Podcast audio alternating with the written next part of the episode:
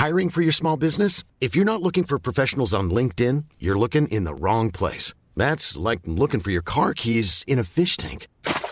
LinkedIn helps you hire professionals you can't find anywhere else, even those who aren't actively searching for a new job but might be open to the perfect role. In a given month, over 70% of LinkedIn users don't even visit other leading job sites. So start looking in the right place. With LinkedIn, you can hire professionals like a professional. Post your free job on linkedin.com slash people today.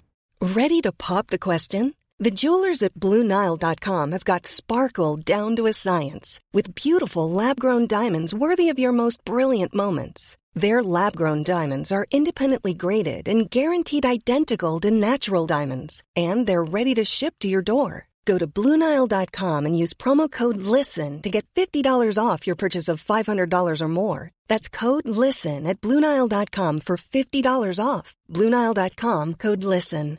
Many of us have those stubborn pounds that seem impossible to lose, no matter how good we eat or how hard we work out. My solution is PlushCare. PlushCare is a leading telehealth provider with doctors who are there for you day and night to partner with you in your weight loss journey. They can prescribe FDA-approved weight loss medications like Wagovi and Zepbound for those who qualify. Plus, they accept most insurance plans. To get started, visit plushcare.com slash weight loss. That's plushcare.com slash weight loss.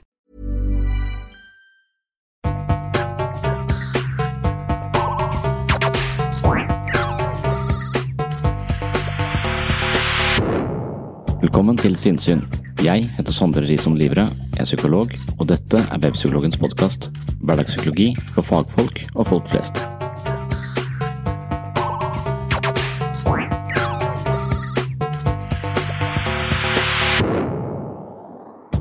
Desember 2018 arrangerte jeg en fagdag på et hotell i Kristiansand.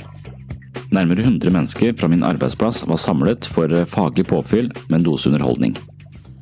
Siden ingen var spesielt interessert i ansvaret for denne dagen, tok jeg selv initiativ under visse forutsetninger. Jeg skulle få lov til å bestemme helt selv hva denne dagen skulle inneholde. Jeg fikk også lov til å invitere to gjester jeg hadde lyst til å snakke med. Det var en helt ideell situasjon for meg, og jeg hadde store forventninger til denne dagen. Det første jeg ønsket å utforske, var psykedeliske stoffer. Psykedelika har vært tabu og forbudt i mange år, men i senere tid har interessen for disse potente stoffene nådd nye høyder. Flere interessante forskningsprosjekter iverksettes, og den kjente journalisten Michael Pollen kom med boken How to Change Your Mind – What New Science of Psychedelics Teach Us About Consciousness, Dying, Addiction, Depression and Transcendence. Ofte assosierer vi psykedelika med hasjrøykende hippier og den mer alternative delen av befolkningen, men i senere tid har stuerene og fremragende fagfolk begynt å snakke om psykedelika, noe som gir de forbudte stoffene en ny sjanse i mediebildet og en ny sjanse til å bevise seg selv på tross av den generelle befolkningens iboende skepsis. Dette synes jeg er uhyre interessant. For meg begynte denne interessen for 15 år siden, da jeg blant annet leste mange bøker av Timothy Leary og andre folk i kretsen rundt denne kontroversielle LSD-psykiateren. Jeg bodde i Danmark og var tettere på miljøer som hadde lignende interesser. Siden har jeg forlatt dette feltet i flere år, men så har det langsomt kommet tilbake og jeg leste boken til Michael Pollen. Pollen er en av USAs mest anerkjente forfattere, og han tar oss med inn i en sinnsendrende reise til grensene for den menneskelige bevissthet. Da LSD ble først oppdaget på 1940-tallet, virket det som om forskerne sto på trappene til en psykologisk revolusjon. Psykedeliske stoffer var uhyre potente, og det kunne virke som om det åpnet for ny innsikt i bevissthetens dype mysterier. Samtidig kunne det ha helbredende effekt på en rekke psykiske plager og avhjelpe rusmisbruk. Men på 1960-tallet oppsto det sterke krefter som ville tvinge hippiebølgen i kne, og dermed ble mye av forskningen på LSD tatt med i fallet, og siden ble det mer eller mindre forbudt. De siste årene har imidlertid arbeidet og interessen for psykedeliske preparater fått en slags renessanse, og man begynner å utforske det fantastiske potensialet for LSD, psilocybin og DMT på nytt. Er det mulig at disse stoffene kan forbedre menneskers psykiske helse på dramatisk vis? Kan det fungere som en slags portåpner til en helt ny form for bevissthet? Det er nettopp denne typen spørsmål jeg ønsket å behandle i første del av fagdagen ved Distriktspsykiatrisk senter på Solvang. For å trenge inn i dette feltet inviterte jeg en person jeg både beundrer og frykter litt.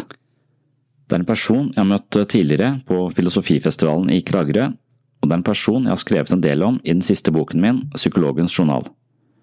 Det er professor i filosofi, Ole Martin Moen. Han er virkelig en fascinerende person med en formidabel evne til å tenke annerledes og nytt om mange kontroversielle temaer. For tiden arbeider han med spørsmålet om hva det vil si å være i nød. Han kan kanskje kalles for en moralfilosof, og det kan nevnes at han definerer seg som transhumanist.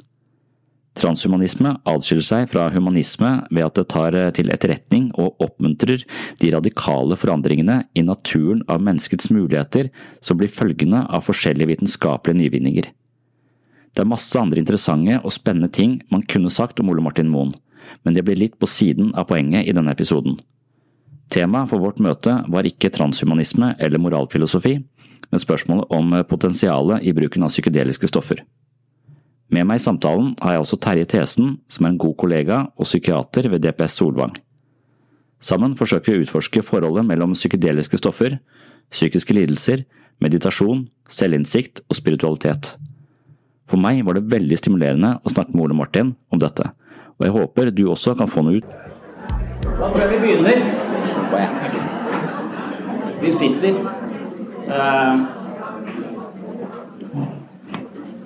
Velkommen til eh, årets eh, Solvang-seminar og julebord seinere. Eh, det var, en gruppe mennesker som satt og tenkte at vi må ha et seminar. En sånn type møte hvor alle kikker ned i bakken for, ikke, for å slippe å få noe mer å gjøre. Og det pleier jeg å være dritgod på, spesielt på, på foreldremøter stirrer jeg mye ned i bakken. Men akkurat på det møtet her så stirret jeg opp og sa at jeg kan, eh, jeg kan godt uh, ta ansvar her hvis jeg får lov til å gjøre akkurat sånn som jeg vil. Uh, og det sa de andre var helt, uh, helt greit. Så i dag så har jeg gjort akkurat sånn som jeg vil. Er invitert noen gjester og satt opp noen temaer som jeg, syns er veldig interessante selv. Og så gir jeg blaffen i hva dere tenker om det. Men dere har kommet i hvert fall, så nå når jeg hører på dette, på dette her. Men temaet er i hvert fall eh, endring. Og det er det vi driver med hele tiden. Vi, vi driver jo med endringsprosesser, sånn jeg ser det. Og en av de gruppene som jeg reklamerer mye for, og som er på en måte mitt eh, eller eller i hvert fall mitt eh, hjertebarn, er dette biblioterapi. Hvor vi sitter i en 20 pasienter nede i dette konferanserommet. Opp mot 20, av og til bare 10, det varierer jo. Eh, hvor dere også kan henvise alle deres eh, pasienter som dere tenker kan ha, ha, nytte av det. Og Det vi driver med der, det er jo også å løfte nye perspektiver eh, på oss selv. Måten vi tenker på, måten vi føler på, fra ulike innfallsvinkler. Så vi prøver å lese artikler, høre på podkaster osv. Og, så og målet er egentlig å bli litt mer mentalt fleksible, på sett og vis. Uh, og jeg tenker jo litt at uh, en del av de menneskene vi møter som sliter med depresjon eller angst eller osv., eh, de er litt sånn si, psykologiske fundamentalister. De, de, er litt fastlåst i en måte å tenke om seg selv på som ikke nødvendigvis er spesielt konstruktiv alltid. Så de sitter i en liten, litt trang virkelighetstunnel og oppfatter seg selv som kanskje mindre verdt enn andre, eller at verden er meningsløs. Altså de, har, de har ganske dystre perspektiver som de fastholder. Så evnen til å innta nye perspektiver på dette her uh, mener jeg kan ha, en slags psykologisk effekt. da. Tenke litt annerledes, tenke litt i revers og, og, og tenke litt nytt uh, om ting. Uh, og I biblioterapi så prøver vi å bruke små historier, filosofi, psykologi til å gjøre disse tingene. Um, jeg plukka akkurat opp en, en bok som jeg ikke hadde lest på lenge, men som jeg husker interesserte meg av Daniel Dennett, som er en filosof som heter 'Tools for Thinking' eh, og 'Intuition Pumps'. Eh, han eh, snakker om han, han begynner denne boka med å, med å snakke om Flynn-effekten. og Det tenkte jeg bare skulle nevne sånn innledningsvis her. Jeg sa jeg skulle ha en halvtime innledning, det skal jeg ikke ha. Jeg skal bare si litt. og så skal jeg introdusere disse to som sitter på siden av meg. Eh, men Flynn-effekten eh, handler om at eh, det viser seg at IQ-en vår blir høyere og høyere. At vi blir smartere og smartere på en eller annen måte. Og de som lager Wisk eller, eller Wise, de, denne IQ-testen den må hele tiden korrigeres fordi at gjennomsnittet skal være på 100. Men etter hvert som siden 30-tallet og opp til nå f.eks., så har denne IQ-en vår Hvis vi hadde tatt IQ-testen på 30-tallet, så hadde vi skåret 130 i gjennomsnitt. Og det er for høyt. Så da må de hele tiden justere testen, sånn at, vi, eh, sånn at den hele tiden vil, eh, at gjennomsnittet vil ligge på 100. Og Da er spørsmålet hva er det med, med mennesker som gjør at det blir smartere og smartere? Eh, vi har ikke fått noe på, Siden 1930 har vi ikke sannsynligvis fått så mye større hjerne, sånn evolusjonsmessig sett. Men vi har kanskje, ifølge Dennett, så kan én forklaring på dette kan være at vi har fått flere tools for thinking, eller flere måter å tenke på, flere måter å se ting på. Litt sånn som en telefon er en telefon, men jo flere apper du får på den, jo bedre fungerer den. Så hvis vi klarer å installere flere apper på telefonen, så får vi mange nye muligheter. Og den fungerer på helt andre områder og, og en helt annen uh, funksjonalitet. Og da kan det være at, det, at det, mennesket kan fungere litt på samme måte. At det, at hjernen vår er en slags smarttelefon, og etter hvert som vi lærer oss nye måter å tenke på, så får vi flere apper. Og når vi har flere apper, så kan vi håndtere livet vårt litt, eh, litt bedre. Så nye måter å tenke på eh, er, eh, er, litt av temaet eh, i dag. I hvert fall nå før, før lunsj. Og den neste historien denne tar, den, den syns jeg også er sånn illustrativ for hva vi driver med. Den, den forteller om en mann som har OCD jeg vet ikke hvor mange som er fra OCD-teamet her, men de har funnet en, ifølge Dennis har de funnet en veldig effektiv måte å behandle OCD på. Eh, og det gjør, de, det gjør nevrologer ved å implantere en chip i huet på folk som demper tvangstankene.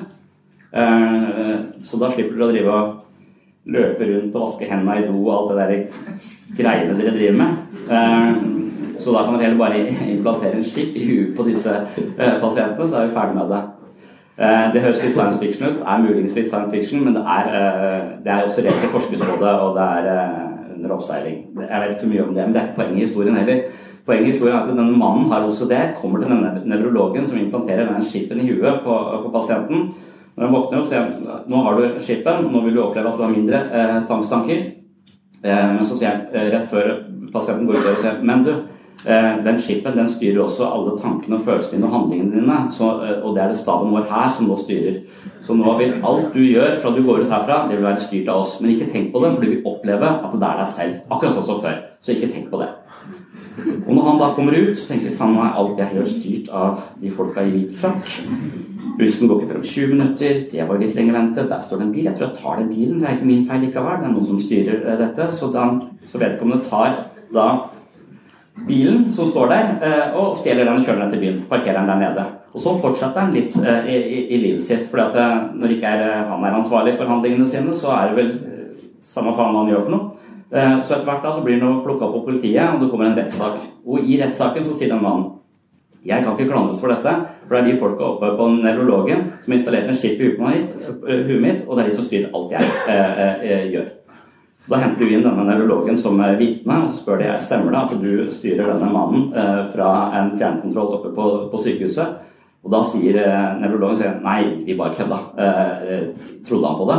Eh, det gjør vi selvfølgelig ikke.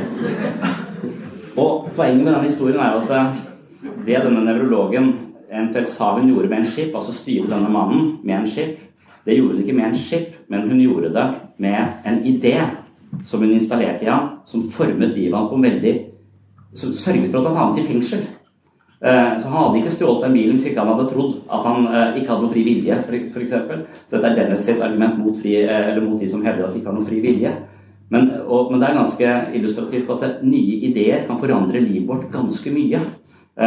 Det kan sørge for at vi havner i fengsel, eller det kan sørge for at vi blir statsminister. Det er veldig forskjellige, forskjellige ting.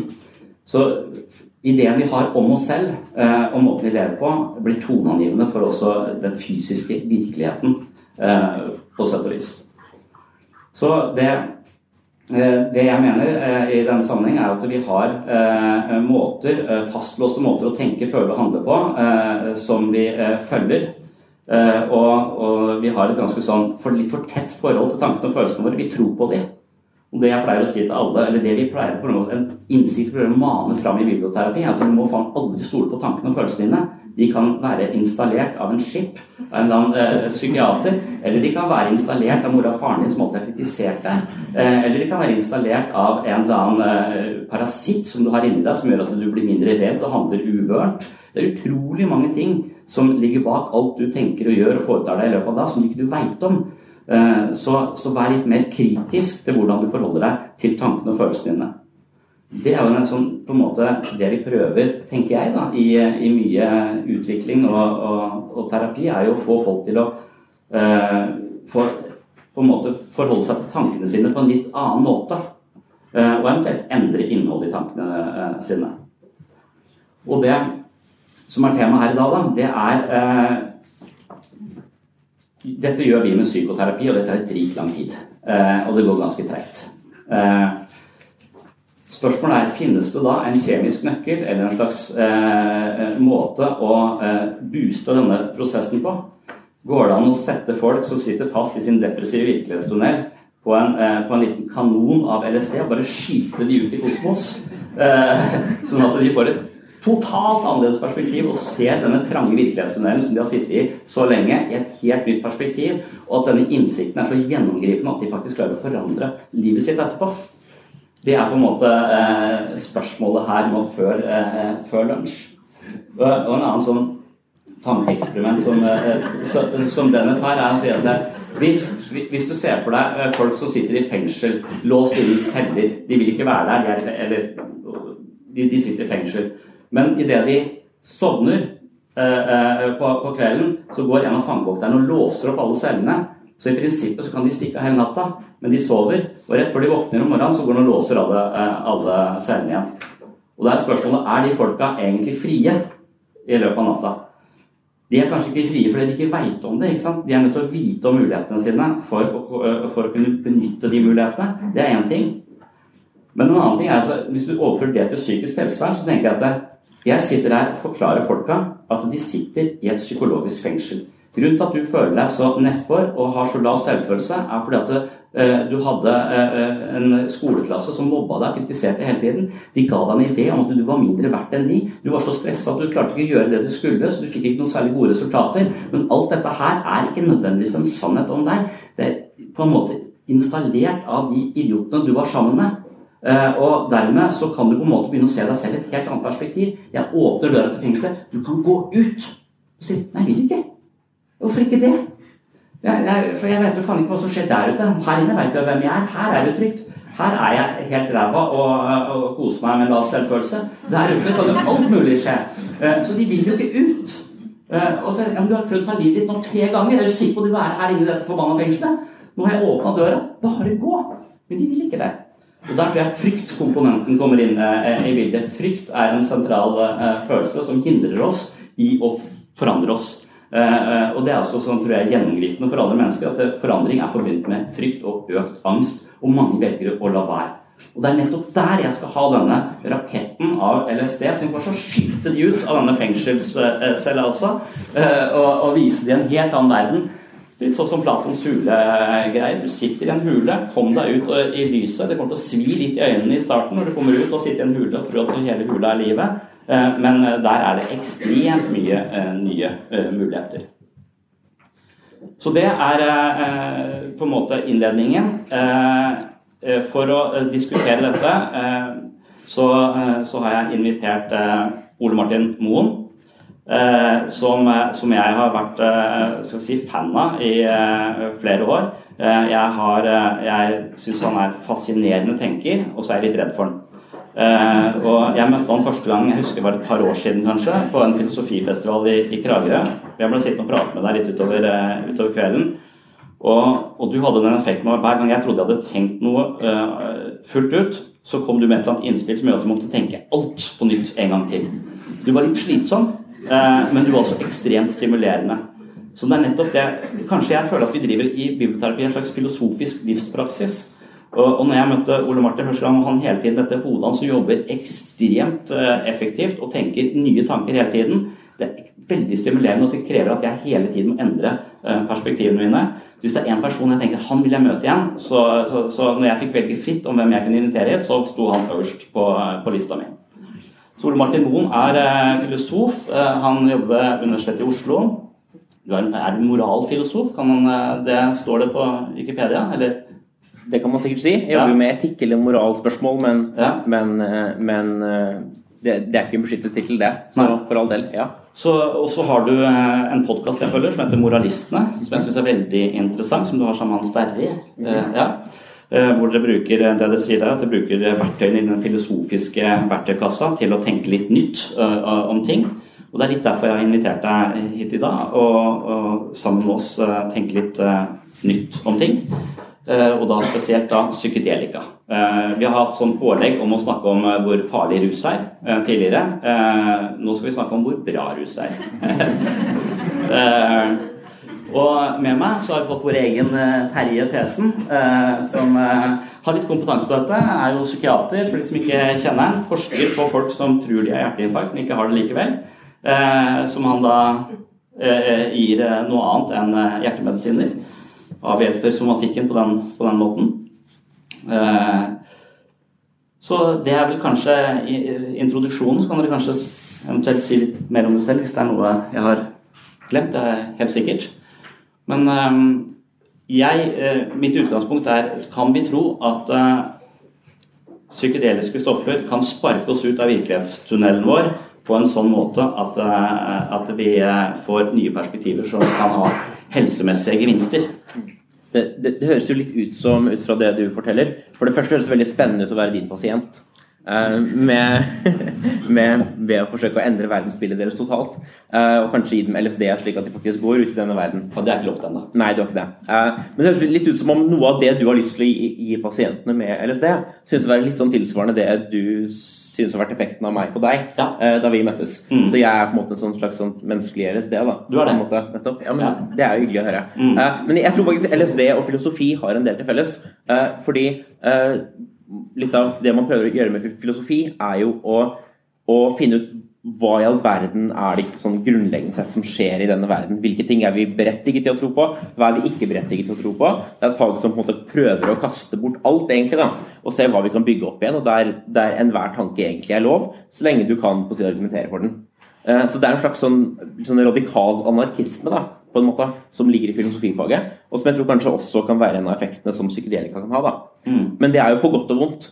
Fordi filosofi kan jo ha ganske mange forferdelige effekter. Folk kan begynne å tro på veldig forferdelige ting. Eh, folk kan tro på ting som har veldig negative konsekvenser. altså Karl Marx for eksempel, har jo hatt en viss impact. Eh, en del tyske filosofer på 1800-tallet har hatt ganske stor impact på utviklingen av nasjonalsosialisme. sosialisme så det er ikke det at filosofi er ufarlig, det er kraftfullt, men kanskje også et veldig stort gode. Og Da er spørsmålet om psykedelika kan være det samme. Det kan være noe som er kraftfullt, potensielt ganske skummelt, men også hvis brukt riktig kanskje noe som gir et stort gode. Men, men, kanskje det også vil fungere på den, uh, på den, måten Det du sier nå, det ligner litt på sånn jeg tenker på, på biblioterapi. Jeg ser av og til for meg at jeg leker i en sandkasse av ideer. Mhm. Og det er gøy å prøve å putte nye ideer sammen og, og, og leke med dem. Mens de menneskene vi møter da, i psykisk helsevern, eh, de er ofte veldig redd for tankene og følelsene sine. på en måte. Så istedenfor å være en sandkasse, så beveger de seg rundt i et pukkverk hvor du må være jævlig forsiktig med hva du tenker og føler. Eh, så de har et ganske sterkt forsvarsverk som gjør at de ikke egentlig kan leke med disse ideene like åpent. Så det jeg av og til tenker at vi gjør, er at vi prøver å vise mennesker hvordan det er mulig å leke med ideer, at ikke det nødvendigvis er farlige, eller følelser nødvendigvis er farlige. Uh, og, og, men det du sa også til at noen, ide noen ideer er jo farlige. Uh, men vil det ikke også kanskje være sånn at uh, hvis LSD gir deg denne innsikten at blåser deg litt ut av perspektivene dine, så vil du kanskje bli litt mindre fundamentalistisk og litt mindre fastlåst i én idé, men hele tiden ha evnen til å tenke kritisk rundt det og si at den ideen har noe ved seg. Marxisme har noe ved seg, men på den måten så fungerer det. Er det ganske feil også? så at du kan eh, få et mer nyansert perspektiv. Eh, at det bare være et mål, og at det er filosofi også. Ja, kanskje, Jeg vet ikke om vi skal si noe innledningsvis om si psykedelika. Vi har kastet ja. liksom disse navnene på psykedelika og LSD og slike ting på dere. Men vi skal si litt om hva de er for noe. Kanskje du også supplerer litt. Eh, men, men, dette er jo en klasse av hva skal man kalle det, eh, medisiner, eventuelt rusmidler eller narkotika eller eh, hvilket en begrep man ønsker å bruke som hovedkategori, som har vært brukt av mennesker i mange tusen år. Eh, særlig psilocybin og DMT, som er de kanskje mest kjente klassiske psykedeliske stoffene. Mens i mer på si, moderne tid LSD, som er syntetisk psykedelikum, som har vært, har vært brukt. Og eh, dette er jo stoffer som kan gi veldig intense mentale opplevelser for folk. Man kan få endrede tankemønstre, endrede synsopplevelser, farger kan bli mer intense, tiden kan sakke veldig ned. Slik at folk opplever at de kan se på en klokke, liksom. Så ser de på denne viseren i liksom fem minutter, og der klikk, klikket den ett sekund videre. Uh, det kan gi opplevelser som er veldig annerledes, veldig intense, og som kan nettopp av den grunn være ganske farlige også. Man kan trigge psykose, f.eks. Eh, eh, angstanfall, den slags. Men som det synes hvis brukes på, en, eh, si, på regulerte måter, har relativt få farer knyttet ved seg. Og det er ikke vanedannende, og er ikke, de er ikke um, det er veldig vanskelig å kunne, bli skadet av en overdose rent sånn fysiologisk. Man kan ta 2000 doser med LSD hvis man vil. Eh, det blir veldig veldig intenst og varer veldig lenge, men det går antagelig helt bra. Eh, så dette er en litt sånn interessant, annerledes type psykofarmaka da, eh, enn hva man vanligvis diskuterer. Og det synes å ha en del spennende effekter. Du viste tidsskrift for Den norske legeforening. Du kan den opp. Som, som i neste nyeste nummer har psykedelika som medisin der man jo vist seg at psykedelika synes å kunne bruke, fungere ganske bra mot angst, mot depresjon, eh, mot en del synslidelser. Og kanskje det mest jeg, spennende studiet eh, som har kommet, handler ikke akkurat om depresjon og angst, men eh, var en studie ved Johns Hopkins Medical School for det er vel snart ti år siden nå, der man ga psilocybin, altså det som er ingrediensen i, i fleinsopp, eh, til 36 eh, eh, friske pasienter. Ehm, og det man fant, var at 22 av disse rapporterte at de hadde det som kaltes a complete mystical experience. Det finnes en egen sånn der, eh, måleverktøy for mystiske opplevelser, og, og, 22 skåret på topp av denne. Og alle de som skåret på, på, topp av denne, samtlige av disse, sa at denne opplevelsen de da hadde på psilocybin, var en av de fem mest meningsfulle opplevelsene de har hatt i livet. Eh, og eh, de hadde De hadde da en, en, ja, en, opplevelse som var veldig stor, veldig viktig for dem. Og man, en veldig spennende ting man så, var at de syntes å få det bedre. Etterpå de rapporterte selv at deres velvære var bedre. Det ble også bekreftet av, eh, av eh, folk, community observers, som de kalte dem, altså folk i deres omgivelser. Og kanskje det, noe av det mer spennende er at på når man tar slik Big Five personality eh, test, så er det åpenhet er en av disse, disse si, parameterne man, man, måler etter. Og man så at selv etter én dose psilocybin så hadde man varige endringer i åpenhet. Og man ble mer åpen, åpenhet for nye ideer, nye opplevelser, nye mm. tanker. Så man hadde en varig endring i åpenhet som gikk betydelig opp etter å ha brukt dette stoffet en eneste gang. Mm. Og det er ganske slående mm. det, hva det egentlig er for noe. Fordi de fleste stoffer kan, må man jo ta en dose av igjen og igjen. Så hva er det som skjer, da? Hva er dette? Er det lureri?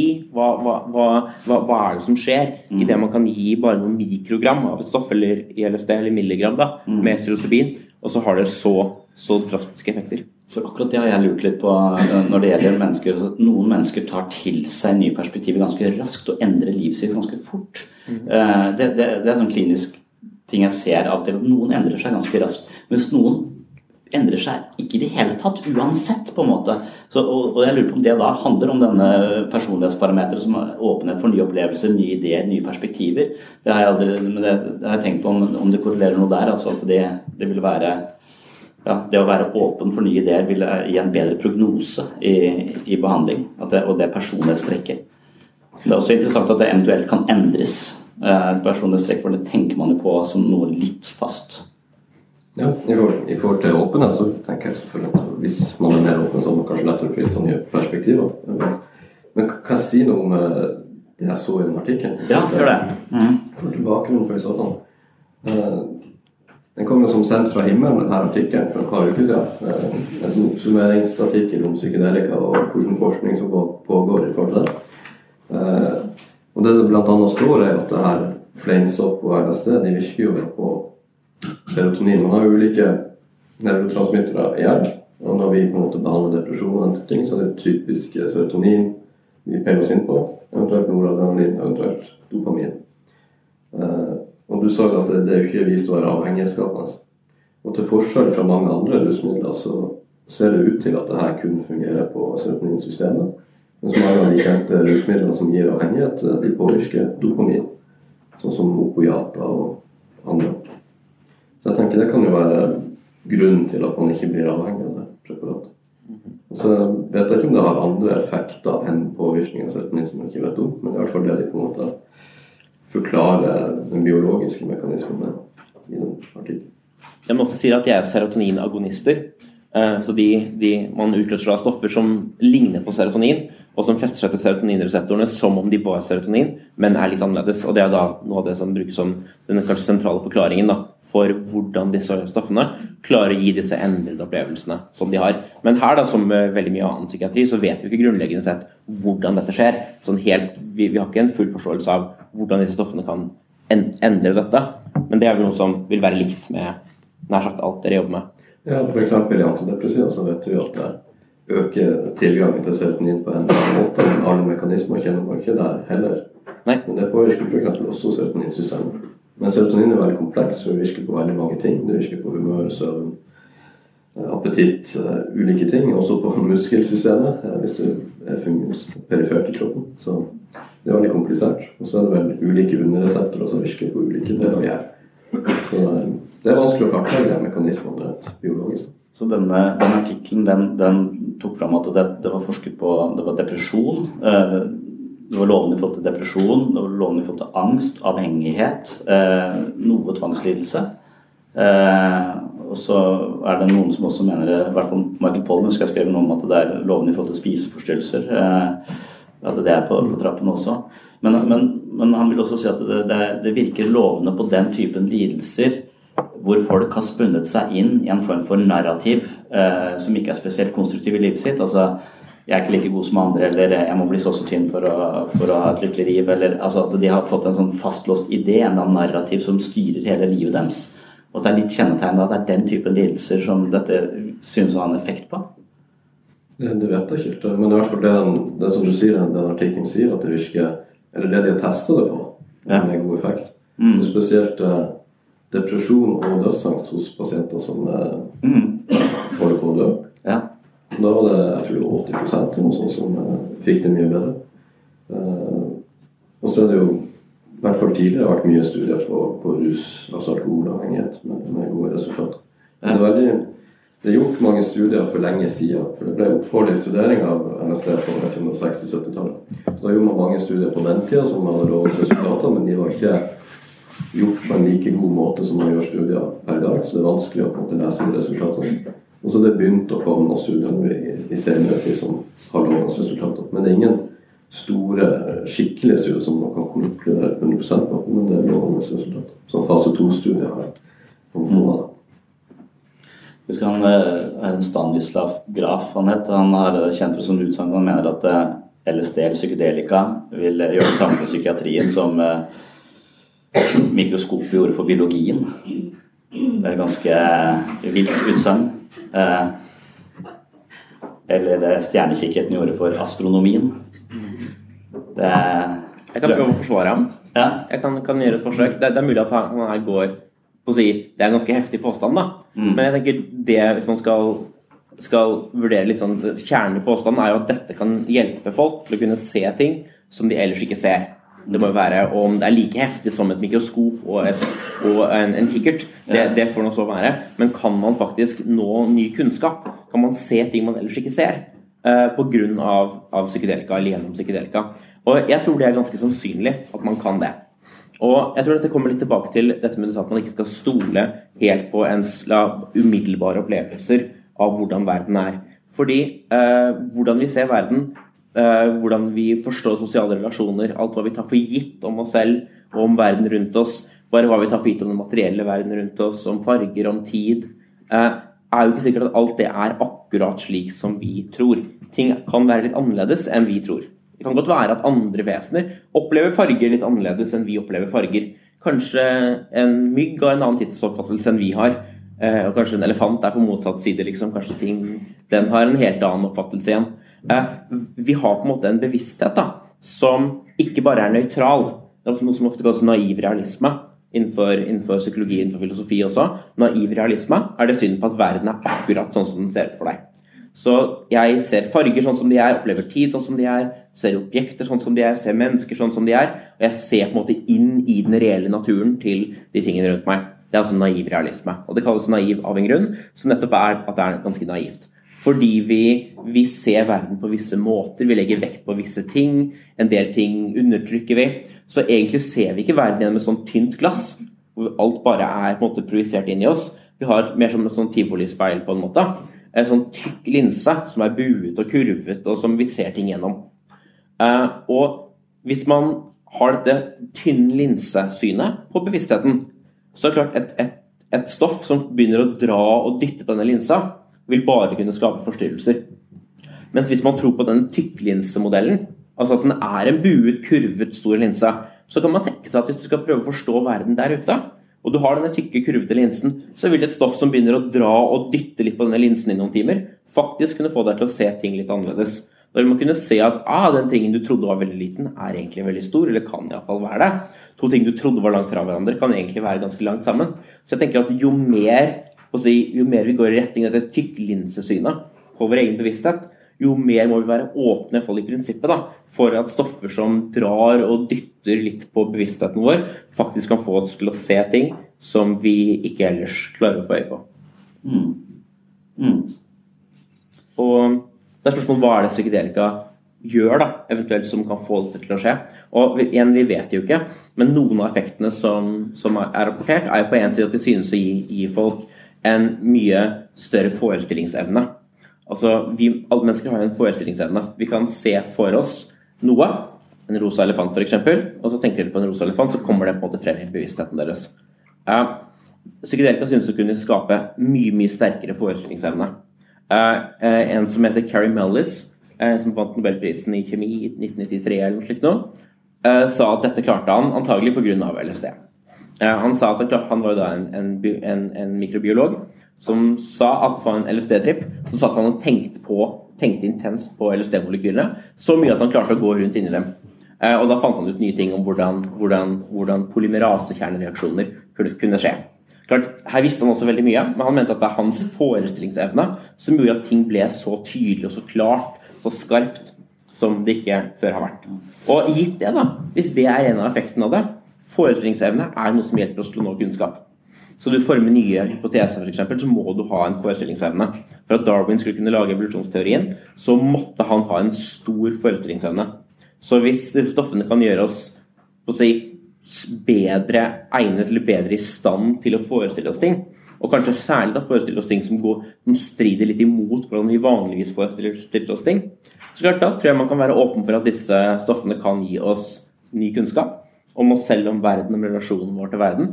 Og hvis det er tilfellet, da, så synes det som om Stanislav Graf har et poeng da, mm. i at dette kan være et slags middel til å kunne se inn på ting som vi ellers, ellers ikke får øye på. Ja. Når jeg eh, tenker ut disse tingene eh, som du eh, snakker om nå, så, så syns jeg det er sånn trygt å bruke bruke Michael Pollen som en slags referanse, fordi han har en viss status. Han er journalist, en gravende journalist som har skrevet eh, boka 'How to Change Your Mind', som kom ut ganske nylig. Eh, og han har i hvert fall en ganske stor anerkjennelse. Han har, gått, han har skrevet mye om kosthold og, osv. så videre. Så han How would you like to look five years younger? In a clinical study, people that had volume added with Juvederm Voluma XC in the cheeks perceived themselves as looking five years younger at six months after treatment. Look younger, feel like you. Add volume for lift and contour in the cheeks with Juvederm Voluma XC. Reverse signs of aging by adding volume to smooth laugh lines with Juvederm Volure XC. For important safety information and to find a licensed specialist, visit juvederm.com. That's J U V E D E R M.com. Not for people with severe allergic reactions, allergies to lidocaine, or the proteins used in Juvederm. Common side effects include injection site redness, swelling, pain, tenderness, firmness, lumps, bumps, bruising, discoloration, or itching. There's a risk of unintentional injection into a blood vessel, which can cause vision abnormalities, blindness, stroke, temporary scabs, or scarring. Talk to a licensed specialist to find out if it's right for you. Hiring for your small business? If you're not looking for professionals on LinkedIn, you're looking in the wrong place. That's like looking for your car keys in a fish tank.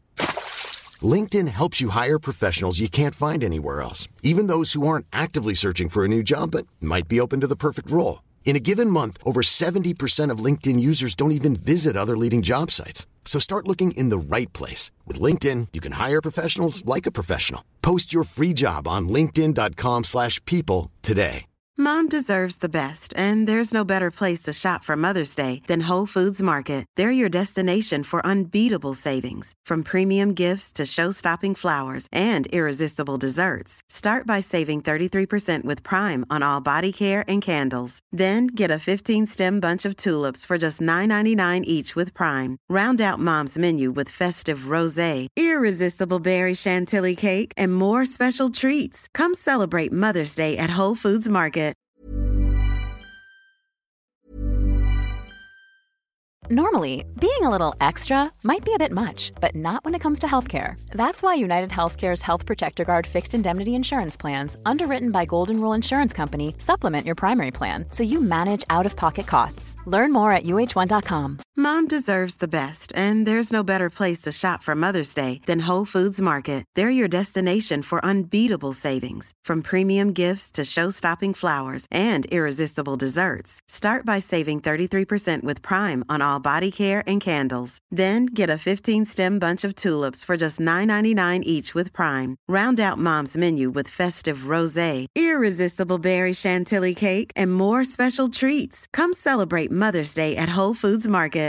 Imagine the softest sheets you've ever felt. Now imagine them getting even softer over time. That's what you'll feel with Bowl and Branch's organic cotton sheets. In a recent customer survey, 96% replied that Bowl and Branch sheets get softer with every wash. Start getting your best night's sleep in these sheets that get softer and softer for years to come. Try their sheets with a 30-night guarantee. Plus, get 15% off your first order at bowlandbranch.com. Code BUTTERY. Exclusions apply. See site for details.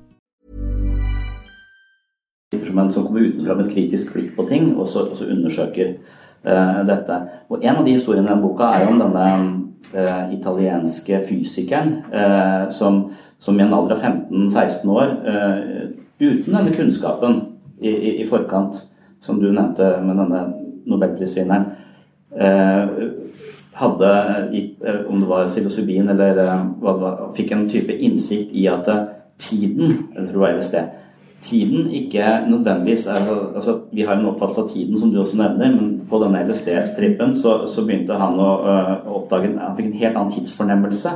Og også i etterkant lurer på hvordan vet jeg at den tiden jeg opplever uten LSD, uh, er mer reell enn den tiden jeg opplevde på LSD? Kan jeg egentlig vite det? Og det går han i en retning hvor han begynner å undersøke stringteori og kvantefysikk osv. Og, så videre, og blir en veldig kjent fysiker. Det var liksom hans vei inn Eh, i, i, i, fysikken, hvor han etter hvert ser at det, mange av de fornemmelsene han hadde, kan, eh, kan, korrespondere med noe av det man ser i denne kvantefysikken, som vi ikke skjønner noe av, som ikke driver med det. Så, så det, at det der åpnet det et annet som ikke var der i forkant i det hele tatt, men en opplevelse som stimulerte han til å gå i nye, i nye retninger. Mhm. Og I forhold til psykisk helse så er det jo da eh, interessant ut, vi har, ikke, vi har ikke noen ambisjon om å gjøre alle pasientene til, til fysikere eller biologer, eller, eh, men, men, at man kanskje kan få den samme typen innsikter i forhold til sitt eget mentale operativsystem, som jo forvalter alle opplevelsene vi har av oss selv og livet. Eh, så hvis vi kan få nye perspektiver på det, eller avsløre, eh, avsløre at den måten vi har sett det på, er ganske trang og, og snever, så er vel det, det er der den effekten vi muligens kan hente hente et eller annet. Hva tenker du? Eh? Ja, det, det jeg satt og tenkte på, det at, at um, Hvis, hvis f.eks. jeg hadde vært um, ja, nær og å og veldig redd for å dø, den ting, så ville jeg vært villig til å prøve det meste for å uh, Så ville det vært kjempefint å ha LSD da, som et prøver, som kunne hjulpet meg til å, til å, håndtere den opplevelsen og få det fint i den, den prosessen. Og så tenker jeg litt på det med det fengselet du nevnte at det er skummelt å gå ut. Altså Hvis man har det greit fra før, på en måte, og så skal man ta LSD, så får man en eller annen opplevelse, blir pusha i en eller annen retning, kanskje. Får en erkjennelse. Kanskje man endrer litt på sine egne konstruksjoner. Nei, det, utelukkende positivt. på en måte. Altså, det, det høres jo skummelt ut for meg. Ja, jeg skjønner hva du mener, men, men mitt utgangspunkt var at de menneskene vi møter som sitter i eh, fengsel, de har jo prøvd å ta livet sitt ganske mange ganger også. Så, Ja, så så bra har de ikke, eh, har de ikke. Ja, du tenker på et vanlig friskt menneske som rapporterer en, eh, en slags høydepunktsopplevelse ved denne, denne Ja, ja, jeg kan spole litt tilbake der, for at eh, jeg har også jeg har hørt på noen podkast og mange eh, vanlige, friske, oppegående folk som har tatt de her, fått en veldig positiv opplevelse. og Kanskje blitt eh, kjørt på med et eller annet prosjekt og gjort det veldig bra. Mm. Sam Harris igjen, du har introdusert meg før. Og han, Steve Jobs har jo gjort det, f.eks. Mm. i Apple. Det er mange eksempler på folk som har blitt uh, veldig kreative og, fått veldig positive opplevelser på som eh, kanskje har vært friske da i utgangspunktet. Men, men det kan godt hende hvis du er på et godt sted, så kan det hende man tenker at nei, da har man ikke noe grunn til å, til å rokke ved det. Men jeg tenker jo at dette kan, må ses litt i sammenheng med andre måter vi kan utfordre oss selv på, da, og som kan utfordre tankemønstrene våre, sånn som å lese litteratur, f.eks. Det kan også være veldig opprivende. Det kan være endrende på skumle måter. Sånn som å reise til et helt annet sted i verden, eh, hvor vi ikke har vært før, lære et nytt språk, f.eks. Altså ting som jo kan, jo kan eh, røske litt opp i det vi i utgangspunktet trodde. Og det er spennende å bruke ordet 'trip' eh, om psykedelika, men det kan man også bruke om bare det å reise rundt omkring i verden. Og det er klart, Du har jo mange som tenker at nei, vi har det noe bra her i Norge, og vi har det bra her hjemme i leiligheten vår, og her sitter vi, og vi leser ikke bøker, og vi reiser ikke ut, og vi skal ikke se noe fordi ting er jo bra her og nå. Og i utgangspunktet vil vi være ganske skeptiske overfor det. Vi tenker at ja, men det er fint å få litt nye impulser. Det er ikke sikkert du ser dine egne begrensninger her og nå, da. Og med mindre vilje til å gå dit, da. At jo, vi skal bare sitte her, ting er greit, her sånn vi sitter jeg her hjemme, vi, og drikker kaffen vår, og ting, her er det ok. Med mindre vi vil gå dit, da, så synes det som om vi kan ikke ha en sånn universell skeptisisme hen imot å gå andre steder også. Ei heller ved hjelp av f.eks. rusmidler. Ja, det, det er, synes jeg er et godt Mitt argument mot det, eller øh, vil det være at Én ting er at vi, øh, vi kan utvikle oss selv, men noe av de beskrivelsene øh, jeg leser der, er jo nettopp dette at hvis du, hvis du plutselig bare øh, får et helt nytt perspektiv på ditt eget ego, og vi kan se på psykisk lidelse som et ego i underskudd, et ego som hele tiden trenger noe fra omgivelsene for å føle seg hel. Jeg er ikke god nok, jeg må ha det, og ikke får det, jeg må ha den karrieren. Altså, dette jaget eh, som på en måte er, som er installert i hele samfunnet vårt fordi de hele tiden viser oss hva vi mangler, som vi må ha for å få det bedre. Og hver gang vi har fått det, så mangler vi noe nytt. Sånn det, det er det motsatte av god psykisk helse. Det er jo hele tiden å kreve noe mer, i stedet for å være tilfreds der man er. Så, så hvis dette perspektivet kan gi deg en sånn eh, Kan avsløre denne dette jaget eh, som de fleste av oss eh, har, i hvert fall nå før jul eller hele, hele året, altså denne anstrengte livsførselen. Hvis den, den da kan, kan, avsløre det, så vil du kanskje få en slags balanse i ego og komme opp der som Maslow vil si at du får det man kaller metabehov. Så istedenfor å ha disse underskuddsbehovene, så vil du plutselig være i balanse, og behovet ditt er ikke lenger å få noe, men faktisk å gi noe. Og det er der dette kjærlighetstingen kommer inn i bildet. Som, du, som på en måte er Gjennom alle de store visdomstradisjonene snakker jo om, å, om kjærlighet, og det er liksom en slags klisjé at kjærlighet er størst av alt osv. Men at det er kanskje det er litt det som beskrives i noen av disse tingene. At hvis du får denne balansen i ego, så vil du ikke ha dette jaget etter å få noe selv, men du har en helt, en helt annen genuin omsorg og innlevelse i ting rundt deg. Så kanskje ikke bare for din egen del skal du trippe av sted, men kanskje også for de menneskene som er eh, i din eh, orbit, kan man si, eller eh, rundt deg. Mm. jeg vet ikke hva du tenker? Jeg kan, ja. kan si to, to, ting om det. Det ene er som et eksempel på det. da, Aldous Huxley, en kjent forfatter, skrev i The Doors of Perception om at han på meskalin, som også er et psykedelikum som kommer fra en kaktus, så på en blomst. Og han sa han hadde jo sett mange blomster før, men der og da så Uh, skrev han at uh, det føltes som om I saw what Adam had seen on the day of creation. Altså hva Adam hadde sett ved, ved skapelsen av verden. Det var som om han så denne for første gang. Og han følte, skrev han da i denne boken, en sånn ro og tilfredshet og glede over denne enkle blomstens si, ekstreme skjønnhet da, for ham. som for ham var livsendrende. Gjorde at han egentlig fikk et litt annet syn på på hva rus kunne være, enn hva han hadde hatt før. Han hadde jo tidligere skrevet 'Brave New World', som en del av dere kanskje kjenner til, som er en sånn rusdystopi. Men etter dette skrev han boken 'Island' i stedet, som er en rusutopi. Eh, hvor han nettopp tenkte at rus trenger ikke å bare være sløvende og ødeleggende, Det kan også være noe som kan være skjerpende og klargjørende og utfordrende. Og jeg syns det er spennende her da, når man, man snakker om, om, når man ser en del av effekten av disse rusmidlene, hvordan de kan være empatiskapende, åpenhetsskapende, eh, skape mer takknemlighet f.eks. Eh, så er det jo spennende å spørre seg da, det vi har en, i en debatt i offentligheten i noen grad, er jo er det etisk greit å bruke disse stoffene? Er det akseptabelt å bruke dem? Man kan jo også spørre seg da, Hvis de faktisk har så gode effekter og så liten, lite skadepotensial, da, er det etisk akseptabelt å ikke bruke dem? Eh, kan det være obligatorisk å bruke dem? Kan det være at vi tar en feil ved ikke gjør det? Er det slik at vi burde gå fra ikke fra forbud til ikke noe forbud, men fra forbud til subsidier, til holdningskampanjer for? Ja, altså, man, hvordan, Hvor er det man burde ende opp her, da? Du ha det i vannforsyningen? Ja, altså, det, det er jo, går veldig langt, da, selvfølgelig. Men, men jeg syns det er spennende okay, hvordan skal vi mennesker da forholde oss til psilocybin eller til meskalin eller slikt. Jeg tenker det er et helt åpent spørsmål, da. Hvordan det skal være. Og at det er, jeg mener det er et helt åpent spørsmål, vi må forske mer på det. Men i hvert fall de miljøene som forsker på det nå, da. Og det er spennende at dette er jo forskningsmiljøene på, innenfor medisin på Johns Hopkins og på Imperial College, som er kanskje de to største medical schoolene i verden, altså med hva angår forskningsprestisje, som virkelig kjører på med forskning på dette her. Og jeg syns det er veldig spennende og potensielt ganske revolusjonerende forskning som, mm. kan, som jeg tror kommer til å ha veldig veldig store konsekvenser for samfunnet de neste 10-20 årene. Ja. Og det, det, når, jeg, når jeg snakker om dette med kjærlighet eller et ego-underskudd og, og, de tingene der, så, så, tenker jeg hvor mye hasj har du røyka? Tenker de som hører på.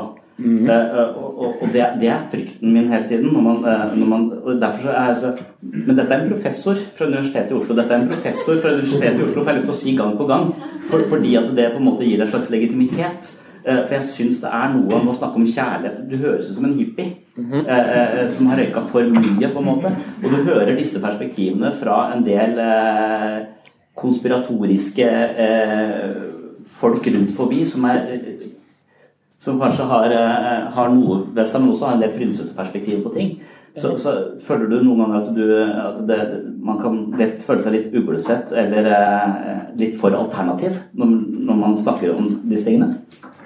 Kanskje. Jeg er ikke så veldig redd for det, da. Jeg, jeg, jeg fant ut tidlig, tidlig i karrieren min, karrieren min, at jeg skal ikke være redd for å si hva jeg tror. Nei. Og ikke være redd for å måte, se litt rar ut fordi jeg sier det. Og det er jeg veldig glad for at jeg gjorde. Og det har fungert veldig fint. Så så det bekymrer meg ikke veldig at folk kan tenke at dette høres veldig sånn New Age-aktig ut, f.eks. Mm. Spørsmålet er jo fungerer argumentene eller fungerer argumentene ikke.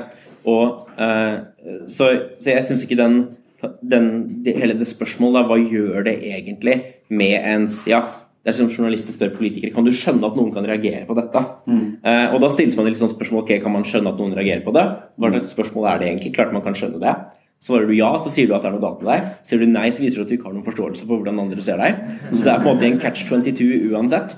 Uh, og jeg tenker det viktigste her er jo ikke et spørsmål om hva er det, hva er det folk tror. Uh, spørsmålet er bare hva, hvordan er det vi mennesker skal forholde oss til disse, disse stoffene.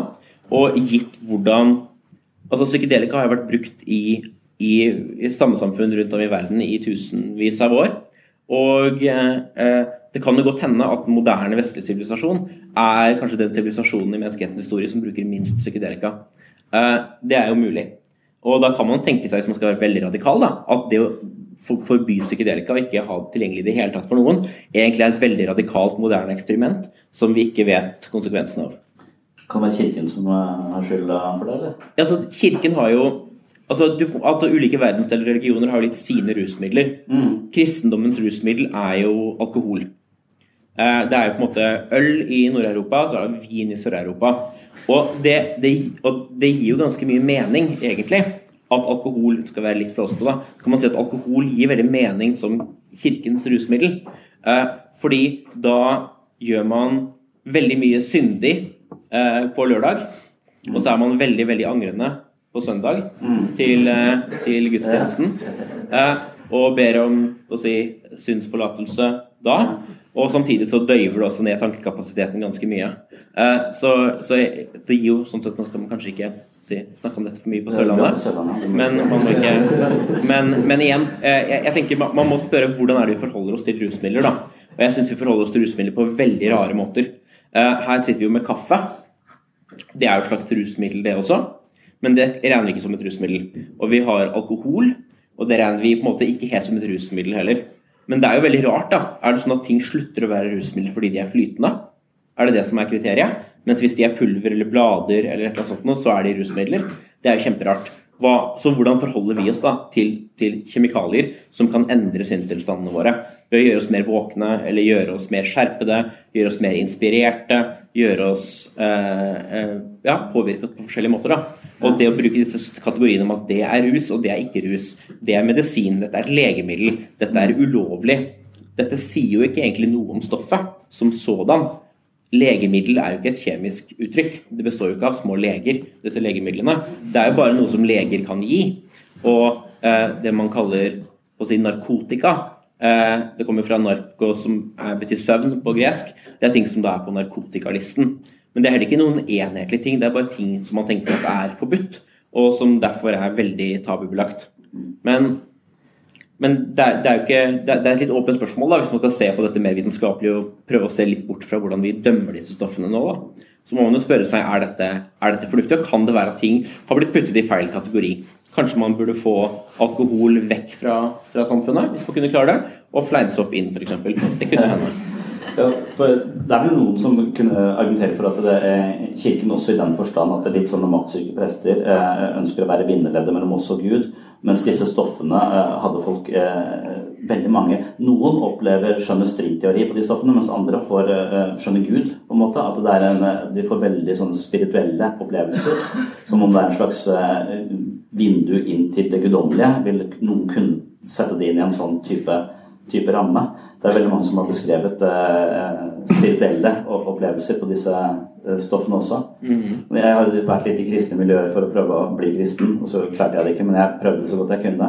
Og da hadde jeg dette argumentet med eller sånn, man kan si at Noen stoffer du kan også stimulere hjernen til folk eh, på en bestemt måte, og de som har epilepsi, kan også ha opplevd spirituelle opplevelser. Så at dette er en hjerneting. Når du stimulerer hjernen din, så, eh, så, får du en spirituell opplevelse. Ergo så eksisterer ikke Gud.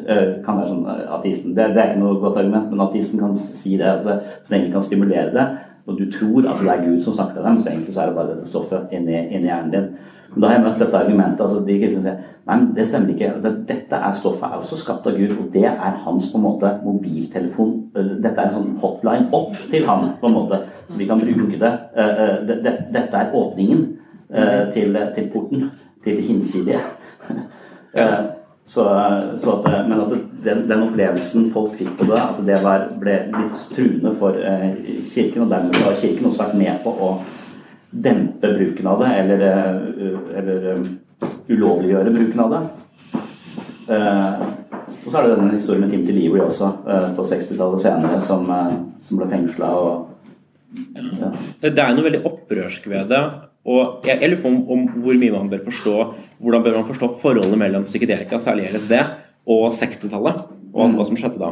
Fordi På 60-tallet så var det en ganske heftig endring i retning av en seksuell frigjøring, i retning av veldig annerledes musikk, veldig annerledes kunst, veldig annerledes poesi, annerledes visuelle uttrykk. Det skjedde ganske mye da, i, særlig da USA på 60-tallet. Og det er spennende at på å si nesten alle kjerneaktørene innenfor musikk, innenfor poesi, innenfor forskjellige typer tenkning, som revolusjonerte virkelig USA på 60-tallet, nesten alle de sentrale aktørene der som var psykedelikabrukere.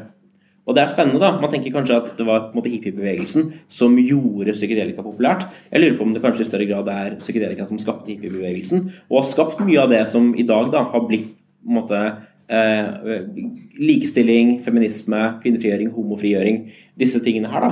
Lurer på om hvor mye av det som faktisk kan ha kommet av Om man kan tenke at en slags historiske eller idehistoriske endringer faktisk kan ha en farmakologisk forklaring.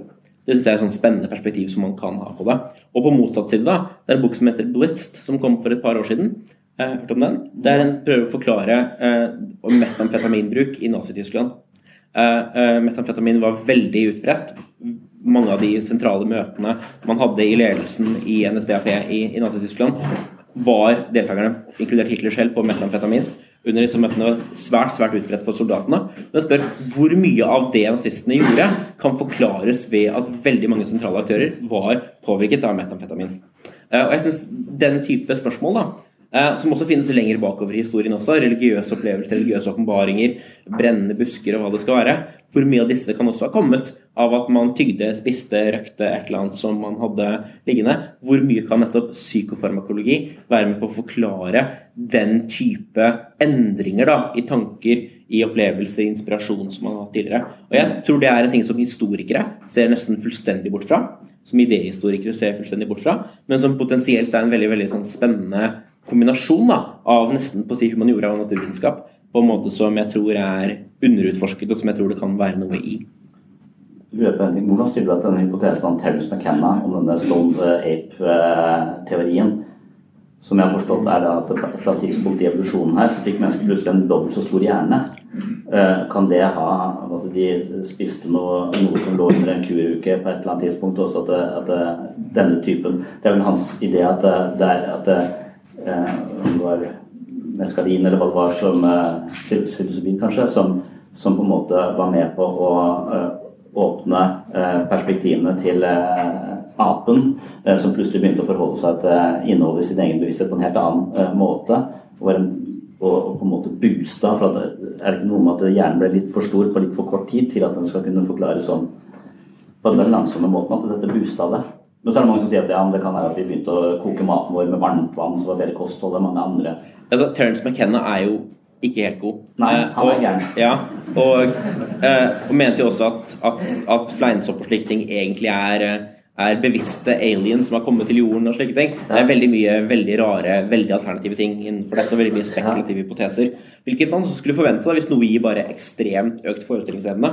Så vil du forvente en del sånne outliers hvor det kommer, kommer mye, mye, spennende opp til overflaten. Gjør det innenfor litteratur og slik også, eller filosofi. Mm. Um, men, og at hjernen skulle bli veldig mye større som følge av psilocybin f.eks., vil jo være veldig rart. Og noe annet som gjør det rart, er jo at dyr bruker jo også rusmidler.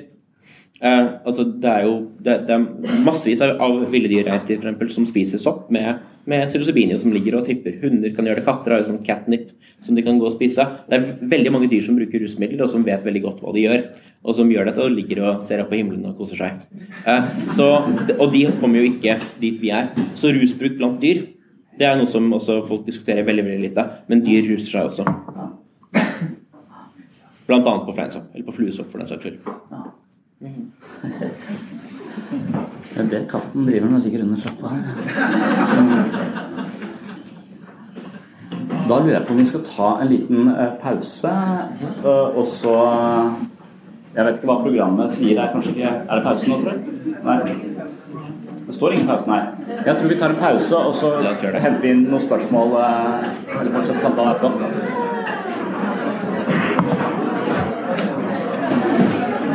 Ja, ja. Utrolig spennende. Det var gøy det der med, med rusmidler, altså, eller med alkohol som eh, Ja, kristendommens rusmiddel. Ja, ja. ja det. Jeg koser meg med det. Ja. Alkohol er jo et Hæ? Alkohol er jo et fælt rusmiddel. Ja, det er jo det. Ja, jeg er blitt mye mer skeptisk til alkohol i det siste. Ja. Det er skikkelig, skikkelig fælt.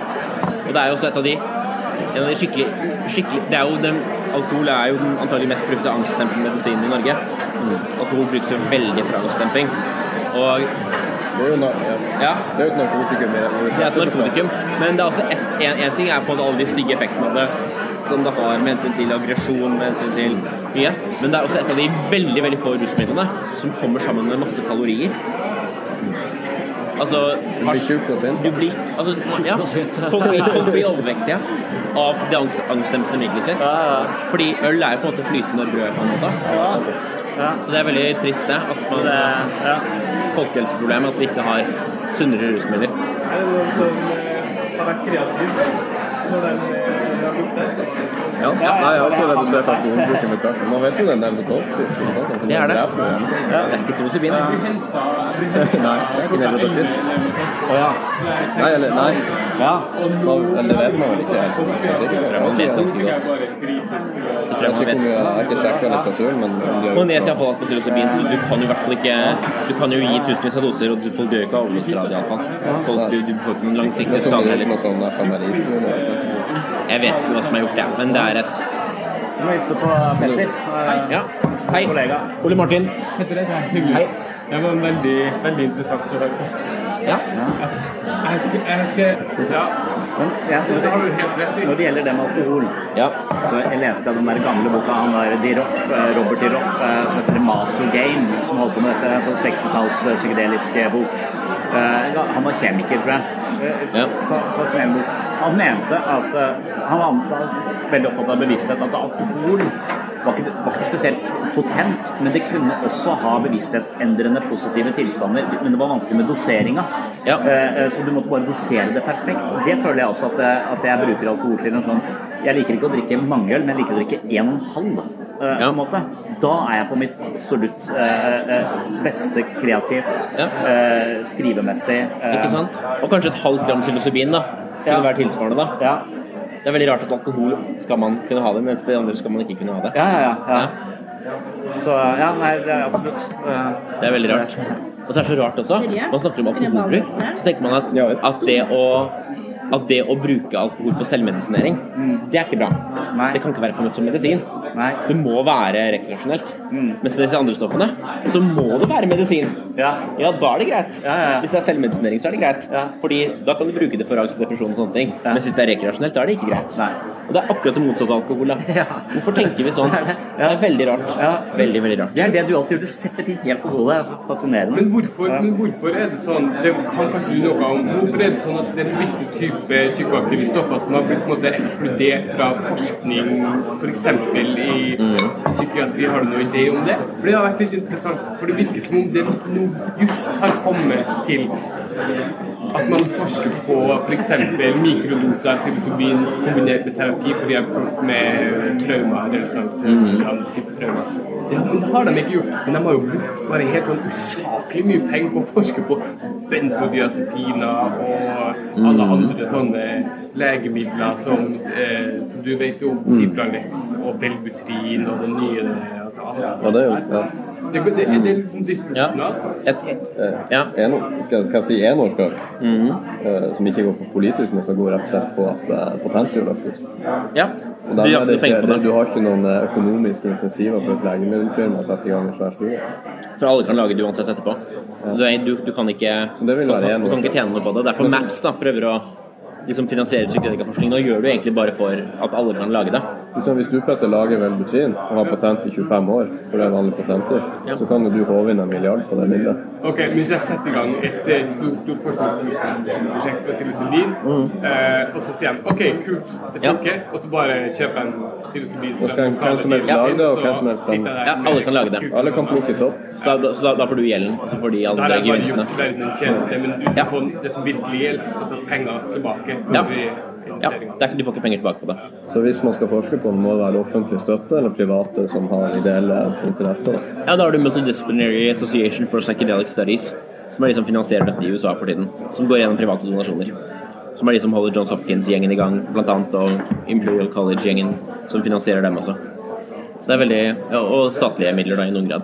Det er, det er et forskningsprosjekt nå på sykehuset i Østfold. Det er det, og det tidsskriften Ja. nevner. ja. Blant annet en av de som skriver der sånn, som har, En av som har det. Er med på det prosjektet. her. Ja, det er spennende. Jeg må bare hente på litt kaffe. Skal du ha den? Nei takk, det er bra. Jeg skal prøve meg litt på sikt. Ja. For de mekaniske alvene er interessante. De må vi ta opp snart. Er de mekaniske, disse alvene? Det har ikke jeg er med at- har ikke fått med at DMT-alvene er mekaniske. Nei. Eller om det er skiva, eller Ja. ja DMT, ja. Ikke bruk DMT, da. Nei. Ikke gå dit først. Det er Nei, ja, det er skummelt. Det er den fra den frosken. Ja, det er en, måte, en form for DMT. Ja. Du kan få den frosken. Ja. Det er 5 MEO-DMT. Det er det han Joe Rogan hadde en eh, tønne av. For han tok det inn i landet før, eh, før det ble forbudt. For det kom på narkotika. Joe Rogan Han kunne gjort hele California eh, Sett de ut på en tur. Ok, ja. For det er jo en type, type DMT, men det er også andre ren DMT som kan røykes slik, da. Ja. Det er også sånne superintense tripper som bare varer i ti minutter, da. Ja, men ikke sant. Det er det, det, er det som eh, det er, det som på en måte ville være litt sånn praktisk nå, da. For jeg er litt usikker på om jeg orker seks timer eller tolv, for den saks skyld. Men, men et kvarter kan jeg klare, tenker jeg. Men det er jo da, der han der Michael Pollen uh, fikk en bad trip, uh, hvor, uh, hvor, Joe Rogan sier det var fordi du tok for lite. Ja, det kommer til kalle venteværelse, eller hva de kaller det. Venteværelse. sånn Og hvis du ikke kommer videre derfra, så, så, så, blir det dårlig. Men da skal du bare ta enda mer. Ja, okay. ja. Så da lurer jeg på hvem fant ut at du skulle enda mer når du, når du var Det var første del av samtalen med Ole Martin Moen og Terje Tesen. Syns du denne tematikken er interessant? så kan du få med deg resten av samtalen i neste episode. Da åpner vi også for spørsmål fra publikum. Og det er ikke til å stikke under en stol at eh, enkelte av deltakerne, som også jobber i psykisk helsevern, er litt skeptiske til psykedelika. Mer om dette i neste episode. Som jeg nevnte innledningsvis, har jeg skrevet en del om ideene til Ole Martin Moen i boken som heter eh, Psykologens journal. Jeg er langt ifra enig med Ole Martin på mange områder, men denne mannen fascinerer meg. Han er en god sparringspartner når målet er å se en sak fra så mange vinkler som mulig. Er du mer interessert i bevissthet, menneskets syke, virkelighetstunneler, spiritualitet og lignende temaer, anbefaler jeg selvfølgelig at du kjøper eh, Psykologens journal fra webpsykologen.no. Men du kan også tune inn neste mandag for andre del av samtalen mellom Ole Martin Moen, Terje Thesen og meg selv.